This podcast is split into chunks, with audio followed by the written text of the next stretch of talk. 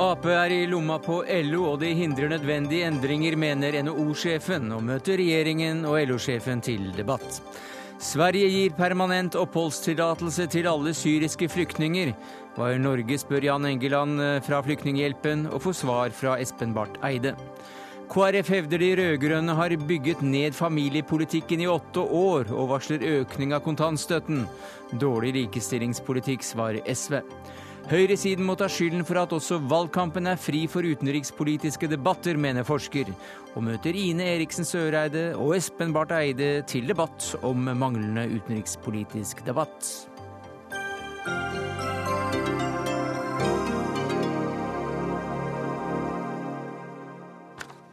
Ja, vi skal begynne med eh, en sak om eh, LO om eh, NHO og om eh, regjeringen. Senere så skal vi eh, få besøk av den irske nyhetsjournalisten som skrev på en roman i det skjulte, og som fikk antatt denne og et forskudd på fem millioner kroner.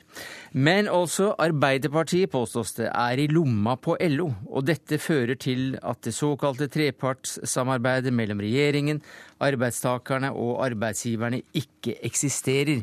Det sier du til Dagens Næringsliv i dag, administrerende direktør i NHO Kristin Skogen Lund. Hva mener du med det? Jeg tror jeg skal begynne med å sitere noe Roar Flåten sa på LOs representantskapsmøte 19.2 i år. Da sa han følgende. Vi har fått alt vi har bedt om, men vi kommer jo stadig på nye ting. Og av nye ting så kan jeg nevne regionale verneombud, innsynsrett, påseplikt, eh, vikarbyrådirektivets unntaksrett, kollektiv søksmålsrett, handlingsplanene mot sosial dumping. Alt dette er reguleringer som vi oppfatter er bestillingsverk fra LO, og som da regjeringen innfrir uten at vi opplever at vi blir hørt, og at man tar hensyn til eh, hvordan dette totalt sett påvirker konkurranseevnen i norsk arbeidsliv. Anniken Huitfeldt, arbeidsminister, hvordan er det å være et eh, lommerusk nede i LOs lomme? Det har vært eh, noen uenighetspunkter mellom NHO og regjeringen. Men det er jo ikke slik at eh, det er kun LO som har støttet regjeringen i disse sakene. Hvis vi ser på spørsmålet om Arbeidstilsynet skal få anledning til å ilegge mulkt, som bl.a. Konkurransetilsynet og Datatilsynet har i dag, så har NHO vært mot det. Men alle arbeidstakerorganisasjonene og Arbeidstilsynet har støtta det regjeringen har gjort. Når det gjelder kollektiv søksmålsrett, som handler om å, om å hindre ulovlig innleie, så har Arbeidstilsynet andre mm. arbeidstakerorganisasjoner også støtta det. Men hva sier, at, du, hva sier, du, da til påstanden fra NHO her om at uh, dere er i lomma på, på LO, at det hindrer nødvendige endringer? Det er jo fordi at Kristin Skogen Lund og NHO er mer enig med Høyre om mer søndagsarbeid mer fleksible arbeidstidsordninger hvor arbeidsgiveren får større innflytelse, og mer midlertidige ansettelser. Og det er klart at Vårt partisystem er jo i stor grad bygd opp rundt konflikten mellom høyre- og venstresida. Og da har NHO og Høyre vært enige. Det er vel derfor dette utspillet mm. kommer denne uka. Mens vi har ikke bare støtte fra LO, men også en samla mm. arbeidstakerside. Det er det så enkelt? Nei, det er ikke det. For vi driver ikke valgkamp. Eh, og vi, det vi gjør, er at vi ivaretar våre medlemmers interesser, og dette er bedriftene veldig opptatt av. Og LO selv foretok en undersøkelse hvor 40 ville ha en oppmyking av arbeidsmiljøloven. 36% ville ikke ha det, og resten visste ikke. Så det er altså flere i LOs egen undersøkelse blant deres medlemmer som ønsker disse endringene, enn de som ikke gjør det.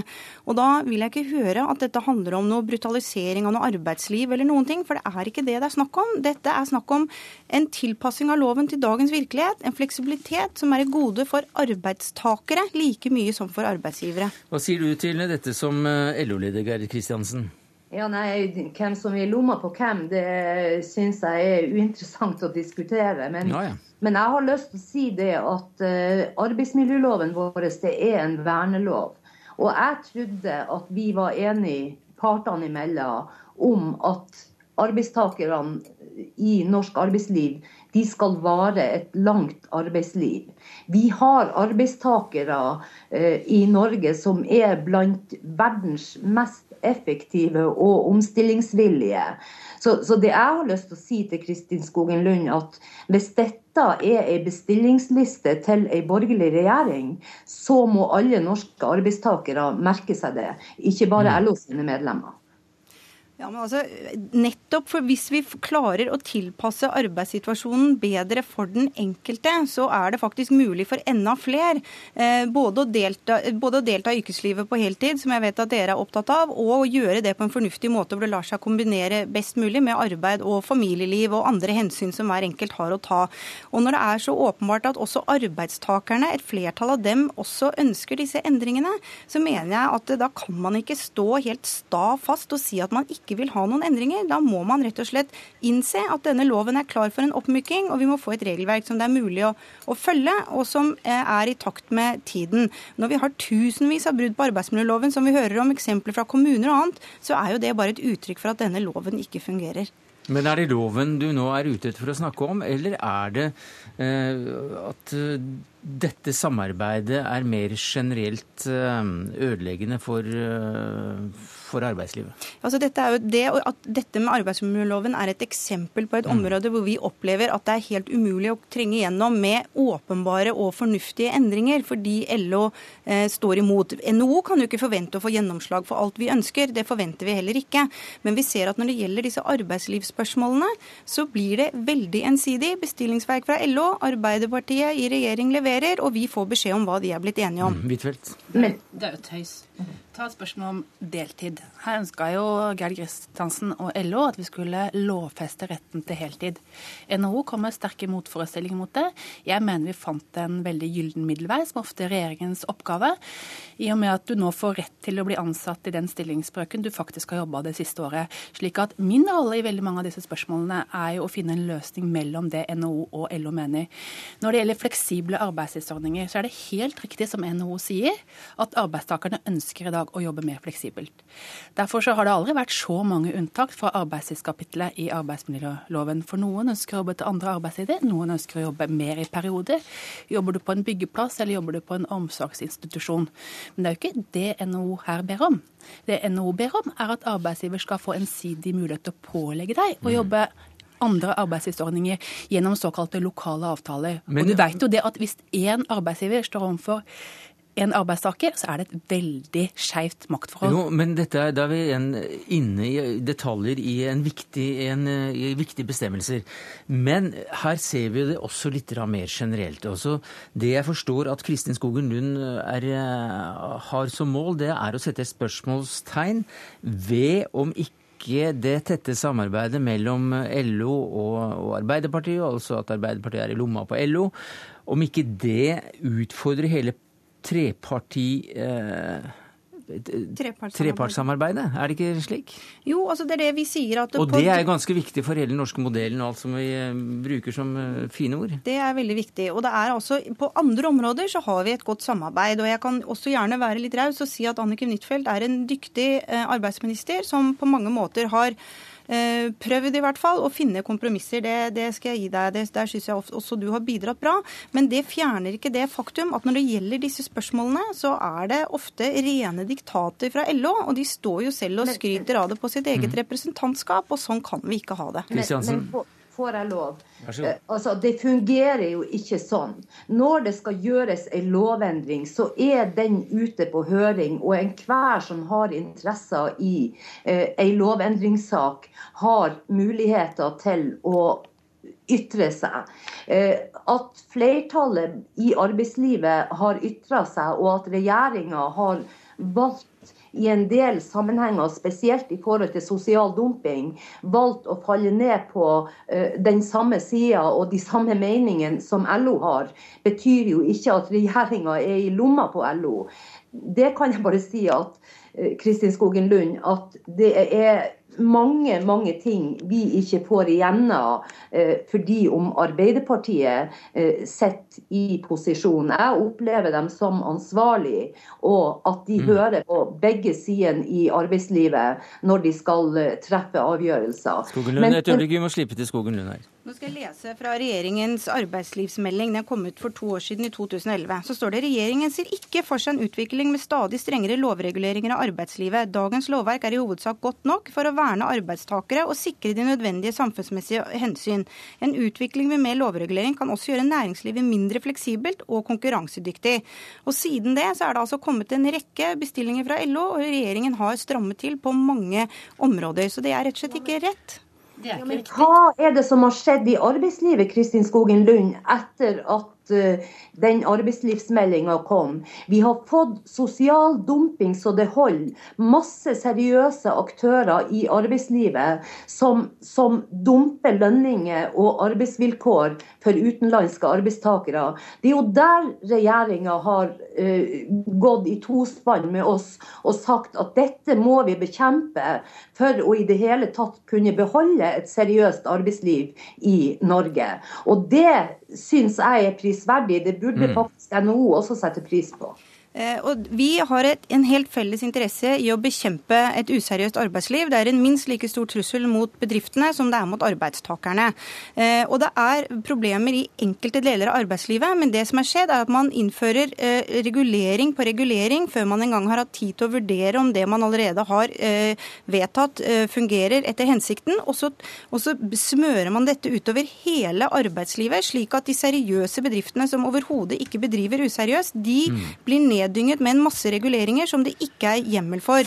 Men, men et, et, øyeblikk, du sitter i Molde og er litt vanskelig å avbryte på en høflig måte. Jeg beklager det, Geir Kristiansen, men jeg gir ordet til arbeidsministeren her. Vi har jo ikke innført veldig mange nye reguleringer i norsk arbeidsliv de siste to årene. og Derfor er det vi har gjort helt i tråd med det som står i arbeidslivsmeldinga.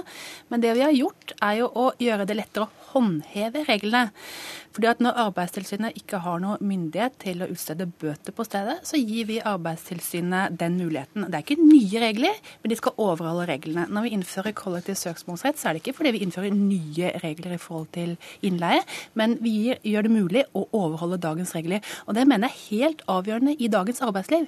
Fordi at arbeidsmiljøkriminalitet er like alvorlig som mye annen type kriminalitet, som mye annen økonomisk mm. kriminalitet. Og Derfor så har uh, vår innsats de siste årene vært retta mot å bekjempe sosial dumping, som kan undergrave hele den norske arbeidslivsmodellen. Kristin Skogen Lund, vi inviterte jo dette fine panelet til eh, å snakke om, om uh, dette med trepartssamarbeid, om det var i fare litt mer generelt. Vi havnet jo opp i arbeidstidsdebatten da, og det var, kanskje ikke så rart.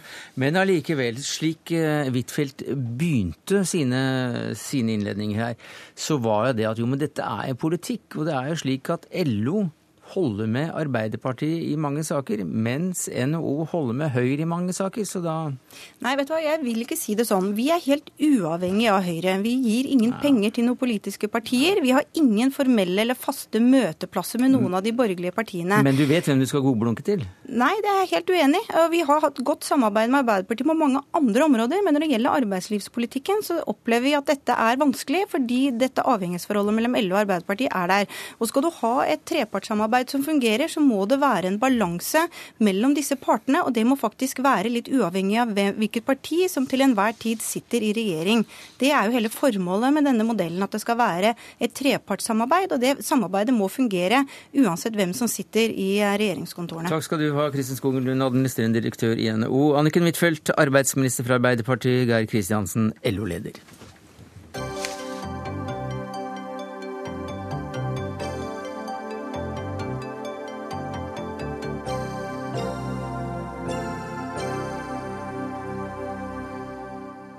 Det blir mer fagforeningsprat her. For forrige uke så flagget, som noen kanskje husker, hotelleier Olav Thon sin støtte til Frp i helsides eh, annonser.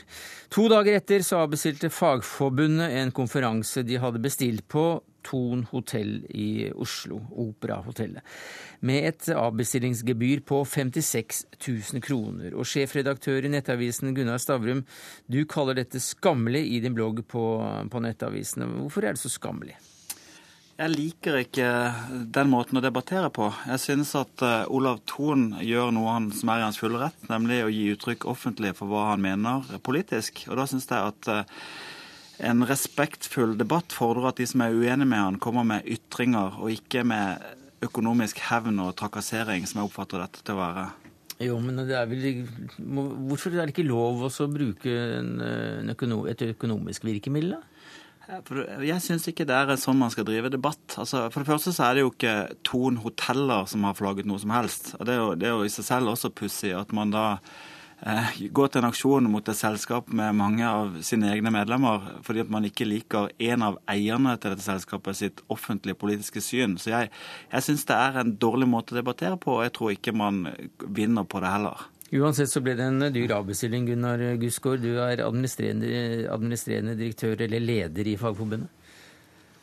Det er jo sånn for det første at eh, vi eh, har reagert på denne annonsen. Og da har vi brukt vår demokratiske rett. Først ved å ha en annen annonse sammen med Fellesforbundet.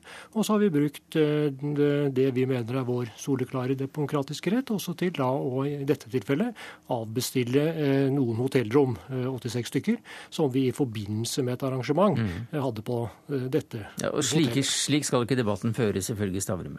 Vi mener at uh, Thon han bruker selvsagt sin demokratiske rett uh, til å fremme sine synspunkter gjennom en annonse. Uh, vi bruker denne muligheten, som bør være like legitim. I tillegg så har vi jo, som Gunnar Stavrum også peker på, så har vi jo tilkjennegitt våre synspunkter i det åpne rom, også gjennom en mm. annen annonse. Ja, det er vel alltid i orden? Det er fint at det gir uttrykk for sitt, sitt syn i en annen annonse. Det synes jeg på en måte var en elegant måte å ta til motmelde på. Men jeg misliker når man bruker økonomiske pressmidler for å for å trakassere folk som, eh, som, faktisk gir uttrykk for en mening. Og Jeg, jeg synes at det er flott jeg, at, at, profilerte personer som Olav Thon faktisk kommer ut på banen og tilkjennegir hva de mener. Eh, og jeg syns ikke at annonsen hans eh, var så ekstrem heller. Han forteller hvorfor han støtter Fremskrittspartiet, og argumentene hans er jo nokså klassiske Fremskrittsparti-standpunkter. Mm. Men da må det være lov å demonstrere ved å, å vise misnøye med uttalelsen, ved, å boikotte hoteller som vedkommende er forholdsvis sterkt engasjert i? Ja, men da begynner jeg å lure på hvor skal da grensa gå? Skal man da la være å handle matvarer som er lagd av Orkla, hvor Steinrik Hagen er aksjonær? Hva hvis Røkke plutselig blir borgerlig? Skal man boikotte hele næringslivet da, hvis man har et offentlig syn? Er det ikke bedre å gjøre det man burde gjøre, nemlig føre en debatt og møte ytringer med ytringer, og ikke med økonomiske sanksjoner. Mm. For det første så har jo ikke vi her vedtatt noe boikott. Altså vi har valgt å reagere i dette tilfellet situasjonsbestemt ut fra at vi da har avbestilt disse hotell, hotellrommene. Eh, og eh, hvis man skal drøfte dette rent prinsipielt i et sånn demokratiperspektiv, som jeg skjønner at Gunnar Stavrum vil gjøre, og det er prisverdig at han vil trekke opp noen slike diskusjoner, så er det jo et minst like stort tankekors at en rik person som Olav Thon kan eh, fremme sine synspunkter ved å kjøpe seg plass i aviser, mens vi andre vi må nøye oss med én stemme ved et valg. Jeg kan love Fagforbundet her og nå at dere skal få slippe til ordet på annonseplass i Nettavisen når dere måtte ønske med et hvilket som helst ønske. Men altså jeg synes at vi skal gi eh, Ton honnør for noe som er veldig, us veldig, lite spesielt blant næringslivsledere, nemlig at de tør å flagge offentlig hva de mener. Og det syns jeg var ganske befriende. Eh, jeg respekterer at Fagforbundet har et helt annet politisk syn, men jeg misliker at man brukte det økonomiske muskler til å, til å demonstrere sitt syn. Eh, og eh, av alle bloggene jeg har skrevet de siste fem årene, så er det ingen blogger jeg har hatt flere lesere på, og det er heller ingen blogger som har hatt så mange likes. Over 10 000 likes på Facebook. Så jeg tror jeg tror ikke man traff helt med denne aksjonen heller. Spørs vel hvem man henvender seg til, kanskje. Men eh, Guskar eh, har også da brukt for så vidt et økonomisk virkemiddel i en politisk kamp, hvis man drar det ganske langt. Og Det samme har vel da Olav Thon gjort ved å kjøpe seg annonseplass. Og er det ikke da plutselig blitt at stemmer teller, men ressurser avgjør, slik en gammel klok professor sa? Jo, altså, det er jo klart at det er slik at, at uh, ressurser uh, avgjør. Uh, det er jo en av grunnene til at fagbevegelsen støtter den sittende regjeringen. Vi var så vidt innom det, ja. Mm. Så, så, det er klart at ressurser teller. Men akkurat i dette tilfellet så er det jo sånn at Thon ikke støttet Fremskrittspartiet økonomisk. Det han gjorde, var å rykke inn på annonseplass sin mening om valget, og det syns jeg er veldig bra. Jeg skulle ønske flere gjorde det. Og jeg kommer ikke til å nekte Fagforbundet å annonsere hos oss, f.eks. Det eh, kan være um, grunn til å tro at uh, dere kommer til å eventuelt boikotte eller avbestille hoteller som, som, andre eier, hvis de flagger noen politiske interesser? Det vil vi vurdere i det enkelte tilfellet. Vi har ikke noe tradisjon for å gjøre det. Eh, når det gjelder hoteller, så er det viktigste for oss at eh, de har tariffavtale og forholder seg til spillereglene i arbeidslivet. Det vil vi være oppmerksom på. Ikke om, ikke om senga er god? Eh, vi, vi, ser også på det, men i valg da mellom flere hoteller som har gode senger, så velger vi det, det, det som da har tariffavtale og hvor det er ordnede arbeidsforhold. Selv om det også koster 56 000 kroner å avbestille? I dette tilfellet så tallet er ikke helt presist, men det er på det nivået. Og, Cirka 56 000, ja. da. Og da er det slik at det hotellet vi har som alternativ, det er noe billigere. Mm. Riktignok ikke fullt så mye, så det vi da gjør, det er å følge ekstra nøye med, slik at de totale kostnadene kostnadene eh, til vårt landsmøte, som disse hotellrommene er reservert eh, i forhold til, eh, at ikke de da vil overstige det som det ellers var, var tenkt. Takk skal du ha, Gunnar Gusgaard, administrativ leder i Fagforbundet, og Gunnar Stavrum, sjefredaktør i Nettavisen.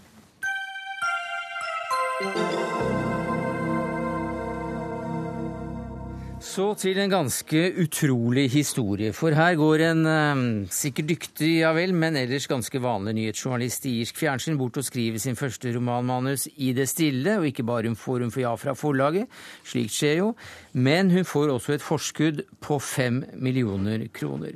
Og ikke bare det, men denne boka med tittelen 'Og så kom du' er ifølge kritikerne da også knallgod, solgt til snart 30 land, hvor i opptatt Norge, så Kathleen McMahon, welcome and congratulations with splendid reviews. Thank you very much. Your novel, How It Ends in, in uh, English, caused a sensation when it was sold at last year's London Book Fair for around 600,000 pounds before a copy was printed. How did you react? Well, I'm kind of looking over my shoulder while you're saying that, wondering who you're talking about. Okay. Um, it's a, it, it's a strange sensation. I mean, I think when you write a book, mm. you you concentrate on the fears. What can go wrong? Um, it won't. First of all, it won't be published. Second of all, if it is, people will hate it. Um, nobody will pay you any money for it. So it's very strange to have to adapt to a different course of events. Mm. but it's good. I'm still getting used to it. You're getting used to it. Altså, Hun hadde ikke forventet det. da. Det var jo et, eh, et lite sjokk. For eh, hun var mer bekymret for om den i det hele tatt ville bli publisert, og om folk ville like den. And suddenly you became a celebrity. Very famous. A little bit. Very minor celebrity. Okay. It's a transatlantic uh, love story. Yes. What, what's it? What's all about? It's a love story. Um, it's also a story about family, about life, I think. Um, about joy, about where you find joy in life. The story is set in 2008, so I think that's very important, the backdrop of the story. That it's just at the time that you have the beginnings of the recession, the fall of Lehman Brothers, mm. and at the same time, the election in the United States of Barack Obama. So, for me, I worked as a news journalist for many years, for 15 years. For me, it seemed to be a time when history was almost speeding up. And I think for a writer, that's a very exciting time. Um, when things that had seemed impossible only a week ago, a day ago, are actually taking place. So that's the backdrop my story takes place against. Um, and it's a love story where two people have been very affected by these events. An American who loses his job in Lehman Brothers mm-hmm. comes to Ireland in search of his roots. And he meets an Irish woman who has lost her work because of the recession. She's an, an architect. And in this turbulent time, they find this wonderful love story ah. that brings out new things in, in both of them. Touching. Yes, I hope so. Eh, det er også da en bok eh, som eh, tar utgangspunkt i 2008, da den finanskrisa kom og man fikk sparken både denne 50 år gamle amerikanske finansmannen og den 38 år gamle irske arkitekten. Og så kom han da til Irland for å finne sine røtter. Og jammen fant han de også i form av en fjern slektning, som han da innledet et forhold til. Også denne arkitekten, og det ble en kjærlighetshistorie. Uh, it's about how important global news may have impact on ordinary people.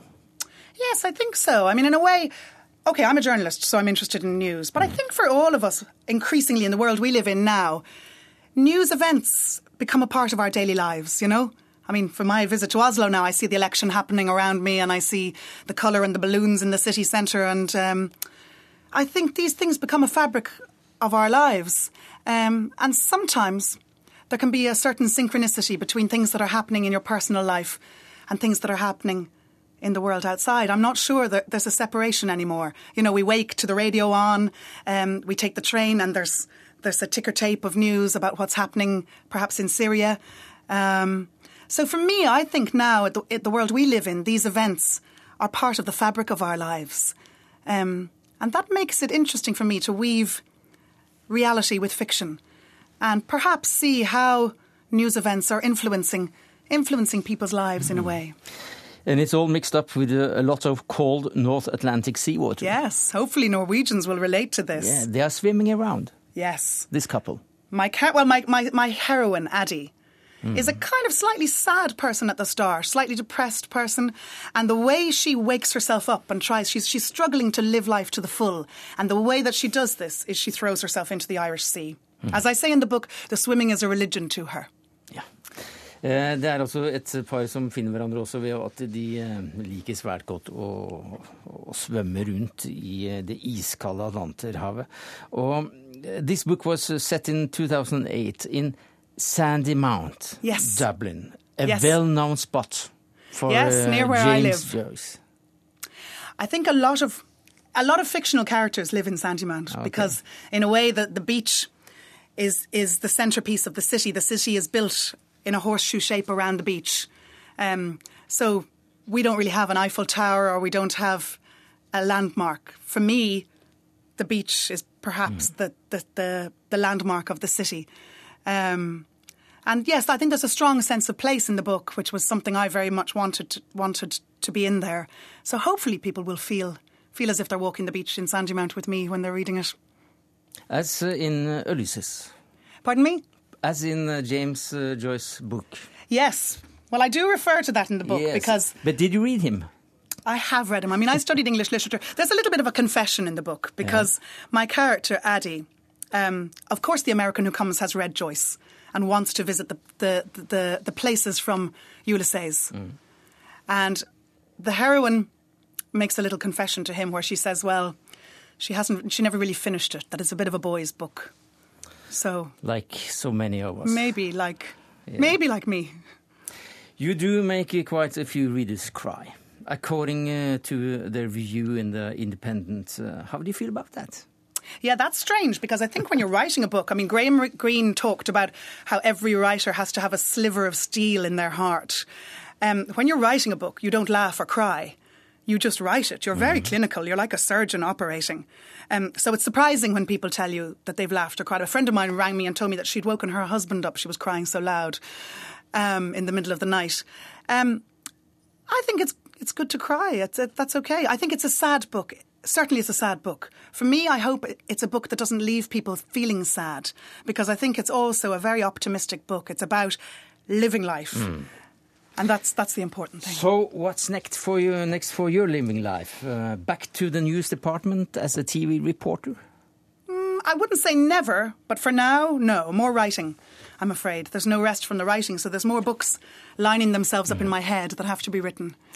Ikke med en gang tilbake til irsk fjernsyn som TV-reporter. Hun skal kanskje skrive noen flere bøker. Og hun er altså forfatteren av Og så kommer du. Thank you very much for joining us, Kathleen McMahon. Thank you for having me.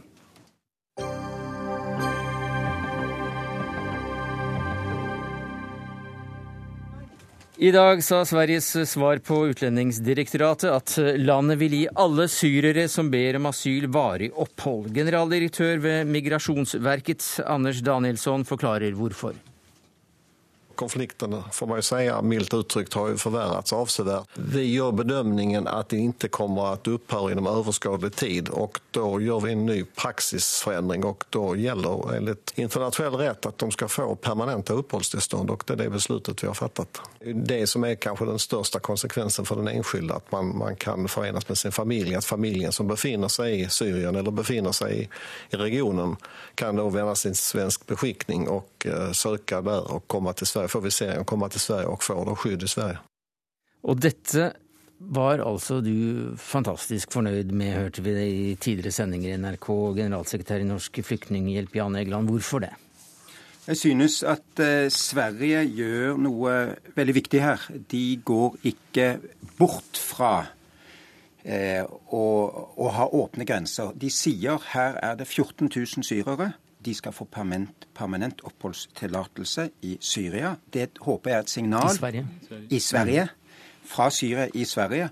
Og eh, et signal forhåpentligvis til EU om at Europa må også åpne sine dører til den største flyktningkatastrofen i vår tid. Men hva innebærer det? Altså at uh, de får uh, varig hjelp? Ja, altså de, de, har vel mottatt nå i Sverige 1000 asylsøkere i måneden eh, i ganske lang tid.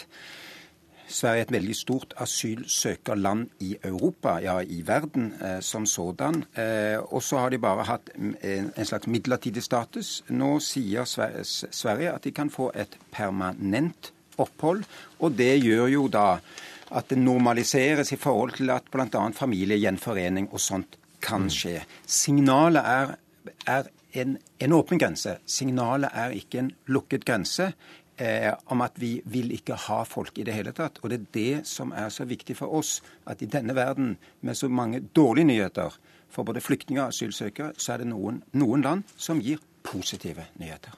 Hva sier du til, eh, til dette, dette, Spen Barth Eide, du er utenriksminister? Ja, og eh, det er ikke så stor forskjell egentlig på Sverige og Norge. Den forskjellen som fortsatt består, er at eh, de som får eh, asyl, eller som har beskyttelsesbehov og får opphold her, får det først på treårig basis, og så kan det gjøres permanent etterpå.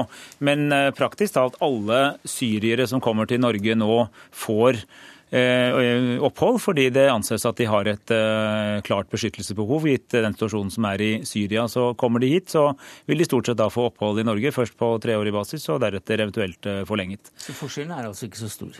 Den store forskjellen er at det kommer mange flere til Sverige. og Som Jan Egeland sier, så er Sverige et land det strømmer mange flere flyktninger til. Både fra Irak, fra Syria, fra en rekke andre land. og der har vi det har, slik har det vært i mange år.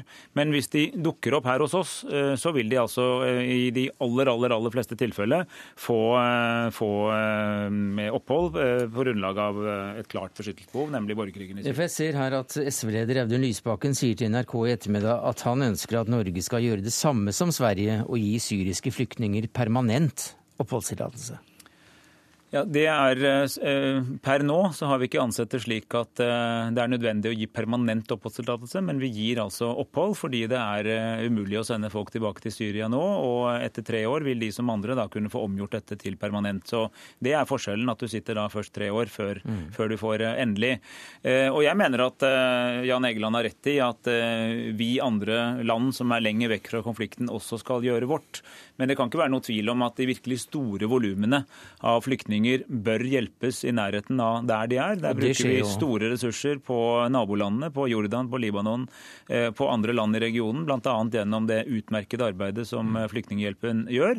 Eh, og vi prøver også så godt vi kan å nå folk inne i Syria, slik at vi også kan hjelpe de internt fordrevne. Det aller mest effektive er alltid å hjelpe folk før de flykter, eh, også om de er internt fordrevne, for det øker mulighetene for at de en gang kommer tilbake til hvordan, dit de kom fra. Hvordan vil du beskrive flyktningsituasjonen i Syria nå? Flyktningsituasjonen inne i Syria er helt forferdelig. Altså Der er det verst. Eh, det nest verste er nabolandene, hvor det er altså da to millioner. Libanon, hvor jeg nylig var, er det 800 eh, 000 eh, nesten registrerte flyktninger etter hvert, pluss en halv million uregistrerte. Godt over en million syrere. Hver fjerde person i landet er fra Syria så Libanon kneler. I Jordan er det mange hundre tusen også, et annet lite fattig land. Og Da er det veldig bra at Norge gir økt humanitær hjelp både til inne i Syria, hvor det er aller verst, og i naboland hvor det er nest verst. Men jeg, jeg tror bare altså den norske opinionen, eh, den europeiske opinionen, må forstå at dette har en så galopperende utvikling at det er ikke nok å gi nødhjelp til Libanon. Libanon er fullt. Jordan er fullt. Europa og andre steder må forberede seg på byrdefordeling ved også å ta kvoteflyktninger. Og Byrdefordelingen er da litt skjev her, for vi hører altså at Sverige tar imot 1000 i måneden, mens Norge har tatt imot 357 syrere eh, til nå i år. Ja, men dette er jo fordi det rett og slett kommer veldig mange mm. flere til Sverige, bl.a. i forhold til hvem som bor der fra før, og folk søker til steder de kjenner, og Sverige er et stort, eh, som Jan Egeland helt riktig sier, er en stor eh, mottaker. Men altså de som kommer til Norge, de vil i de aller, aller fleste tilfellene få asyl, eh, og har da muligheten etter tre år, hvis konflikten fortsatt varer, beskyttelsesbehovet opprettholdes, å få det konvertert til, til permanens. Så forskjellen er egentlig ikke vår politikk, men det er antall som strømmer til. Men så vil jeg si at det er jo virkelig helt riktig å si at disse små nabolandene, eh, Libanon, Jordan, som vi begge har vært og besøkt, både Jan Egeland og jeg, besøkt flyktningleirer, de er jo virkelig land som åpner sine hjerter. Og Man må bare ta av seg hatten for de landene for hvordan de, på toppen av alle andre problemer de har, åpner opp for at eh, enda flere skal komme. De har jo hele bølger av flyktninger fra tidligere konflikter, palestinere i flere generasjoner, ikke sant? irakere i flere tiår, eh, nå også eh, syrere, bare for å ta Jordan som et eksempel.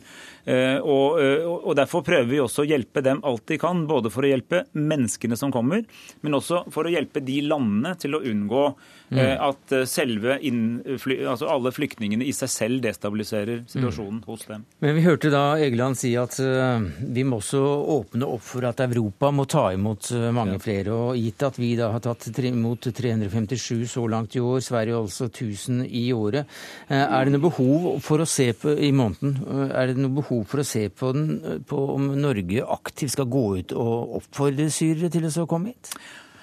Når det gjelder de, de, flyktningene som kommer gjennom eh, internasjonale kvoter, så er vi jo i samtaler med, med Høykommissæren for flyktninger for å se både på kvotens størrelse og for sammensetningen. For det er en kvote her som Norge har forpliktet seg altså til å ta imot? Det er to forskjellige ting. Det ene er de som da dukker opp her, de får asyl. Mm. Eh, som de får i Sverige. Så er det de som da blir bosatt her gjennom internasjonale vedtak.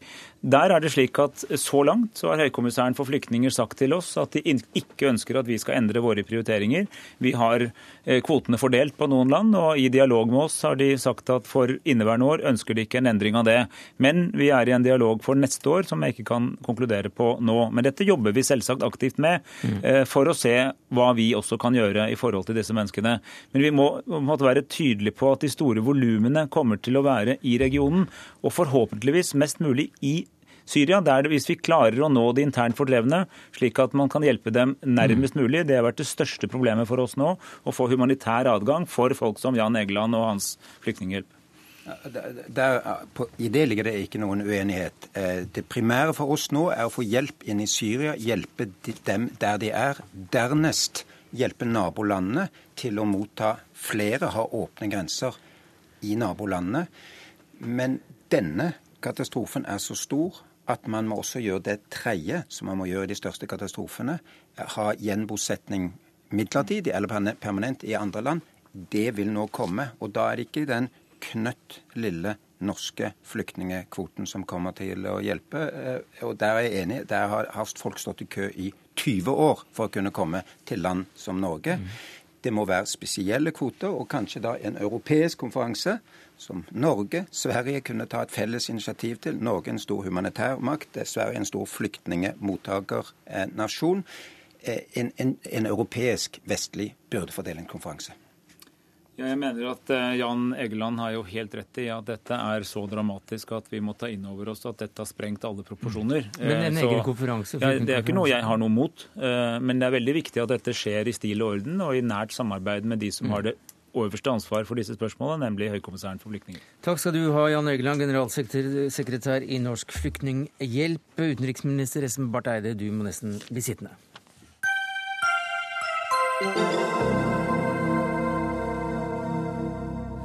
For høyresiden har valgt å la Arbeiderpartiet lede an i utenriks. Dermed står norsk utenrikspolitikk på stedet hvil. Ja, det skrev du i eh, en kronikk i Dagens Næringsliv, Asle Toje, forskningssjef ved Det norske Nobelinstituttet. Hva mener du med det? Over de siste to tiårene i alle fall, så har det norske politiske liv vent seg til at Arbeiderpartiet har vært den fremste premissleverandøren for overordnet eh, politisk tenkning, mens høyresiden har vent seg til å sette fotnoter til eh, det som har blitt tenkt på Arbeiderpartiets eh, side. Det var Arbeiderpartiet som kom fram til engasjementspolitikken, det var Arbeiderpartiet som kom fram til å bringe nasjonale interesser tilbake. Og i valgkampen nå så er noe av grunnen til at vi ikke har sett en, et levende utenrikspolitisk debatt, er jo nettopp pga. at høyresiden ikke har kommet fram til noe bærekraftig alternativ til den politikken som faktisk føres. I kronikken så skriver du at det er lammende enighet om at utenrikspolitikken er fikset, og at de viktigste veivalgene er tatt. Det stemmer, og da snakker jeg om de store veivalgene. Det er enighet blant de tre store partiene om at Norge skal forbli blant USAs nærmeste allierte, at vi ikke kommer til å søke om medlemskap med i EU, at nordområdesatsingen kommer til å fortsette, vi kommer til å søke å ha et eh, fortrolig avventende forhold til russerne. Eh, og de store spørsmålene blir mer eh, diskusjon om fordeling om hvor mye bistand skal gå til hvilket land og den type ting. Og det er jo ikke så veldig inspirerende. Ine Eriksen Søreide, leder av utenriks- og forsvarskomiteen, representerer Høyre på Stortinget. Du må også ta din del av skylda for at vi ikke har nok utenrikspolitiske debatter, og heller ikke valgkampen. Altså, Utenrikspolitikk blir jo ikke til i et vakuum, og det blir jo ikke til ved hjelp av statsvitenskapelige doktriner. Det er realpolitikk som skjer i møte mellom norske interesser og internasjonale hendelser. Og sånn har norsk utenrikspolitikk blitt utforma de siste 60 åra, og det har vært en enighet om de lange linjene. Lammende enighet? Ja, men altså enigheten om f.eks. Nato-medlemskapet. Nå som SV er i regjering, så er det jo en viss enighet om det der også. Enigheten om EØS-avtalen, enigheten om at vi skal være nær alliert av USA. Det er jo spørsmål som er viktig for å ivareta norske interesser. Altså, Høyre har jo aldri hatt som målsetting å bruke utenrikspolitikken som en partipolitisk kamparena og opposisjonsarena der man er enige. Og på samme måte som det er enighet om de lange linjene mellom eh, Høyre og Arbeiderpartiet når Arbeiderpartiet sitter i regjering, så er jo Arbeiderpartiet i all hovedsak enig med Høyres eh, utenrikspolitikk når vi sitter i regjering. Toje. Og her ligger noe av problemet. Hadde det vært slik at uh, norsk utenrikspolitikk som den er, var den beste av alle mulige verdener, så ville det vært eh, legitimt å si at eh, vi, er, vi, er, alle enige om dette. Men det er en del utfordringer i forhold til, til rådende politikk. Den ene er jo, som jeg påpekte i min korttekst, er at norsk utenrikspolitikk er overdimensjonert. Både i det at eh, UD er, eh, er for stort, syns jeg, i forhold til hvor mange borgere vi har, og også det at departementene har vent seg til å ha, drive sin egen utenrikspolitikk. Man får kryssende interesser. Og det andre store poenget er at en, bistandspolitikken har vokst, vokst oss over hodet. Den kippet 30 milliarder i 2013. Den doblet seg siden 2004. Og det har blitt større enn det vi realistisk sett har administrative ressurser til å kunne ivareta. Men her hadde jeg vel egentlig regna med at Asle Toje hadde fulgt litt bedre med. Altså Høyre har lagt fram et stort utviklingspolitisk program som har skapt mye diskusjon og debatt. Der vi trekker opp linjer for mer resultatbasering av utviklingspolitikken. At vi ikke bare skal være opptatt av hva vi putter inn, men også hva vi får ut av de milliardene vi bruker. For Norge har et moralsk ansvar for å hjelpe. Vi er og skal være en stor giver, men har endra innretninga på det eh, gjennom det programmet som vi, som vi har lagt fram. Og det er jo, eh, sånn som jeg ser det, interessant å kunne utfordre Tøye på hva som er hans alternativ til at vi faktisk står sammen om vesentlige og viktige eh, poenger i utenrikspolitikken. Norske interesser tror jeg ville bli skadelidende hvis det var fullt sprik i forholdet til Europa, fullt sprik i forholdet til Nato og USA, fordi at Norge er relativt sett et mm. lite til mellomstort land i en stor verden. Absolutt, eh, men nå er det slik at det ser ut som at Høyre kommer til å styre denne skuta. Da vil Høyre være i en posisjon at de kan, kan bestemme at Høyre kan, skal bestemme hva som går. og Da vil det kanskje være ventelig at i valgkampen at man ville se mer eh, tilløp til uavhengig eh, utenrikspolitisk tenkning, hvis man hadde tenkt å endre noen ting. Jo men, jo, men, eh, finnes det et alternativ? Altså Finnes det en, alternativ, en alternativ, ideologi til, til, det som ligger bak den norske utenrikspolitikken i dag? Ja, Det mest åpenbare alternativet for partiene på høyresiden er jo utenrikspolitisk realisme. Det er jo, denne, eh, det er jo konservatismens uten, utenrikspolitiske doktrine. Og da setter man nasjonale interesser i, eh, i høysetet. Gjør ikke Norge det i dag? Eh, Norges utenrikspolitikk slik den føres nå, er en videreføring av engasjementspolitikken. Der er man litt usikker om, om, hva som er norske interesser. Man rehabiliterte interessebegrepet, men man definerte Eh, idealisme i den tredje mm. verden som våre interesser, og det ble litt sånn uklart om hva interesser er. Konservativ utenrikspolitikk er realisme? Ja, og Vi driver da også en realistisk eh, utenrikspolitikk. Og jeg er helt uenig i at norsk utenrikspolitikk er på stedet hvil. Jeg skal gi et eksempel på det. Eh, Jan Petersen, eh, som da var utenriksminister, la fram den første nordområdemeldinga. Det er et eksempel på et politikkområde som har hatt en veldig dynamisk utvikling i møte mellom partiene i Stortinget, som har bred konsensus bak seg. Det tror jeg er bra for Norge, at utenrikspolitikken i nordområdene er mer, mm. mer konsensusbasert enn man ser i mange andre land. Og Det er jo et eksempel på at utenrikspolitikk utenrikspolitikken ikke utvikles gjennom statsvitenskapelige doktriner, men gjennom realpolitikk ja. i Stortinget og det i møte med verden. Det fikk du sagt i sted, så nå må jeg nesten ta inn en person som eh, det er forholdsvis sjelden å se sitter helt stille og smiler samtidig. Men eh, bortsett fra da Høyre sa at det blir nok en Høyre-utenriksminister neste gang, så, så, var du enig i mye av det som ble sagt her fra Inemar Eriksen Søreides side. Jo, men Jeg er jo enig i det, mye av det Asle Toje sier. Det er jo ingen tvil om, mener jeg, at han har et poeng. At norsk utenrikspolitikk i stor grad har blitt formet eh, av Arbeiderpartiregjeringer. Jeg mener jo det har eh, skjedd på en bra måte, at vi har en veldig fornuftig utenrikspolitikk. Det går faktisk ganske bra med Norge, det går bra med norsk utenriksøkonomi, norsk utenrikspolitikk. Og jeg mener at vi også er både realistiske og innovative og får til mye i utenrikspolitikken. Jeg kan jo vanskelig sitte her og bekymre meg over at folk er enige med meg. Det må på en måte være andres problem. Eh, men jeg, men jeg ser Toyes poeng, at vi har jo nå sett en valgkamp hvor vi knapt nok har blitt utfordret på utenrikspolitiske spørsmål i det hele tatt. Og jeg kan jo da legge til grunn at det er fordi eh, alle er enig, men det kan jo være at det er andre grunner til det. Så, så jeg mener at uh, dette er noe man egentlig skal ta på et visst alvor. Uh, enighet. Uh, Ine Marie Eriksen Søreide, som leder av utenriks- og forsvarskomiteen, gjør en veldig god jobb i samarbeidet godt om å ta de viktige overordnede beslutningene som det er viktig å ha konsensus rundt. Men jeg tror vi også skal erkjenne at det kan selvfølgelig være en enighet som til dels kan bli litt lammende, fordi at det da kommer få nye ideer inn utenfra. Men så heldigvis er det slik at vi har ganske mange gode nye ideer selv, og derfor så driver vi en konstant innovasjon av utenrikspolitikken. Ja, og Det er jo nettopp den innovasjonen av utenrikspolitikken som vi stadig diskuterer, både i Stortinget og utafor. Altså, vi har som sagt hatt mange debatter om det utviklingspolitiske programmet vårt. Vi har utfordra regjeringa på hvorfor det er sånn at vi ikke er tydelige nok og aktive nok i europapolitikken. Og vi har også sagt at vi må ha en gjennomgang av engasjementspolitikken vår for å se om vi er til stede der vi skal være, eller om vi burde være andre steder. Så det eksisterer også en, en debatt, Tøye? Eh, når det gjelder bistandsfeltet, så har Ine Marie Eriksen helt rett. At eh, her har Høyre lagt fram eh, nye tanker. Og mange har nok ment at Norge har sovet litt i timen. Både Sverige og Danmark har reformert sin bistandspolitikk over de siste fire-fem årene. Og Høyre har lært av dette og tatt med seg det de mener fungerer best fra det. Og dette er et av de punktene der jeg tror vi faktisk vil se en endring under en eventuell ny regjering. Men når det gjelder hovedlinjene i norsk utenrikspolitikk, så tror jeg at mitt poeng står. De ble tenkt under Arbeiderpartiet, og de kommer til å videreføres sånn under en neste regjering. Men det har da virkelig vært eh, store endringer i utviklingspolitikken også de siste årene. Et mye større fokus på fordelingsspørsmål, mye større fokus på kompetansebygging, mye større fokus på f.eks. For forvaltningen av energi, eh, naturressurser. Man har gått bort fra mye av den klassiske stat-til-stat-bistanden, som mange til dels med rette har kritisert. Så mange av de tingene Høyre har foreslått de siste årene, de har jo vi allerede gjort. Så igjen er det litt eh, samme følelsen som vanlig. Eh, velkommen etter. Ja, Vi tar ikke akkurat den nå, men eh, er det ikke da slik at mye av den utenrikspolitiske debatten er forsvunnet fordi SV sitter i regjering? Det er et veldig godt poeng. Eh, SV har vært et uromoment utenrikspolitisk og har vært villig til å bryte ut av dette konsensuset. Og etter åtte år i posisjon så sliter de med den opposisjonelle selvtilliten. Det andre momentet, Frp, har vært ganske stille i, eh, i eh, den, denne valgkampen. Har valgt å konsentrere eh, sitt artilleri andre steder. Og da har det blitt mye at man eh, har en debatt mellom Høyre og Arbeiderpartiet, og der er enigheten eh, stor. En ledende Frp-politiker fikk jo jobb hos Barth Eide, så da forsvant vi kanskje resten av den. Men Barth Eide, hvis du nå skulle sette deg ned og virkelig debattere utenrikspolitikk med Ine Eriksen Søreide, hva var det første punktet du ville slå i bordet og si at her tar dere grunnleggende feil?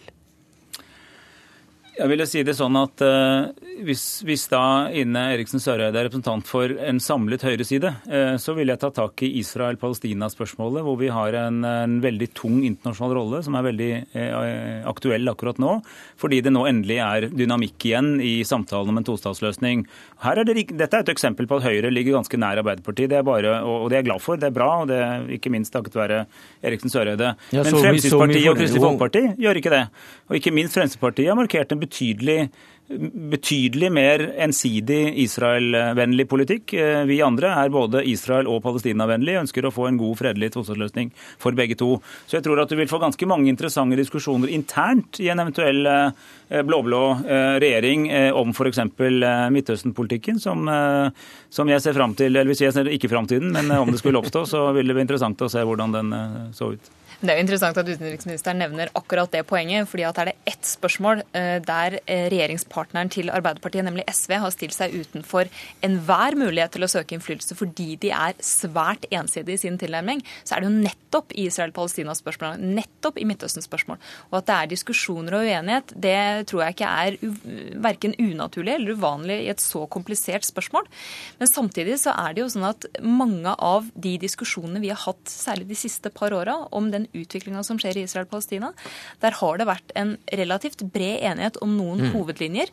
Også blant eh, Frp og, og KrF. Vi vil bare ha den som en liten smakebit for hva som eventuelt skjer ved et regjeringsskifte her. Men nå har vi fått den, eh, Men du var inne om det rent prinsipielle. altså eh, du ville ha at de borgerlige partiene skulle orientere seg mer mot det du kaller en realpolitikk når det gjelder utenrikspolitikken. Og hva slags eksempler eh, måtte det da gi eh, politikken ganske operasjonelt? Ja, vi har hatt en løpende debatt om dette blant, eh, blant akademikerne realisme, utenrikspolitisk realisme setter nasjonalstaten i, i, sentrum og nasjonale interesser i sentrum. Og man da har et klart fokus for hva utenrikspolitikken skal handle om.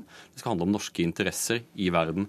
Eh, det er der jeg befinner meg. Eh, og jeg erkjenner at det er mange som ikke er der. Jeg bare påpeker at en annen verden er mulig. Det er mm. mulig å føre en annen eh, politikk enn den som føres, men først så må man tenke. Men hvordan var det under Jonas Gahr Støre, da? Altså, jeg trodde han vridde vred hele politikken med mot, uh, mot interesser og bort fra verdier ja, når det gjaldt politiske veivalg? Det var en sånn ja og nei-sak. Eh, eh, Jonas Gahr Støre eh, falt for fristelsen om å definere interesser så bredt at det ikke var, er, formålstjenlig som en, eh, som, en, eh, som en, pekepil for hva vi skal gjøre. og det, Resultatet er at alt er viktig. Og vi mm. trenger en, en doktrine som kan fortelle oss hva som er viktig. Dette er jo helt, Tidligere var jeg enig med det Toje sa, dette er helt uenig. For vi har jo nettopp gjort, brukt veldig mye, lagt veldig mye arbeid i å definere hva norske interesser egentlig er. Og det er enkelt sagt, det er en del interesser som vi har i konkurranse med andre land, hvor vi fremmer særlige norske interesser. Og så er det en lang rekke interesser som er kollektive fellesinteresser som vi deler med andre land. Det er f.eks. å få orden i Arktis, i nordområdene, stå opp for havretten. Det er bra for verden, men veldig bra for oss, for vi lever av det som er under havet, i havet og oppå havet, og det er det som har skapt vår rikdom. Så, så, jeg mener virkelig at vi har tatt dette med interessebegrepet på stort alvor, og driver også et aktivt arbeid, ikke bare for å forstå hvordan våre interesser ser ut fra Oslo, men også hvordan Norge ser ut fra andre land, for å kunne optimalisere en moderne utenrikspolitikk i forhold til det. Takk skal du ha, Espen Barth Eide, utenriksminister Asle Toje, forskningssjef ved Norske Nobelinstitutt, Tine Eriksen Søreide, leder for utenriks- og forsvarskomiteen for Høyre, som også tok debatten om den utenrikspolitiske debatten. Takk skal dere ha.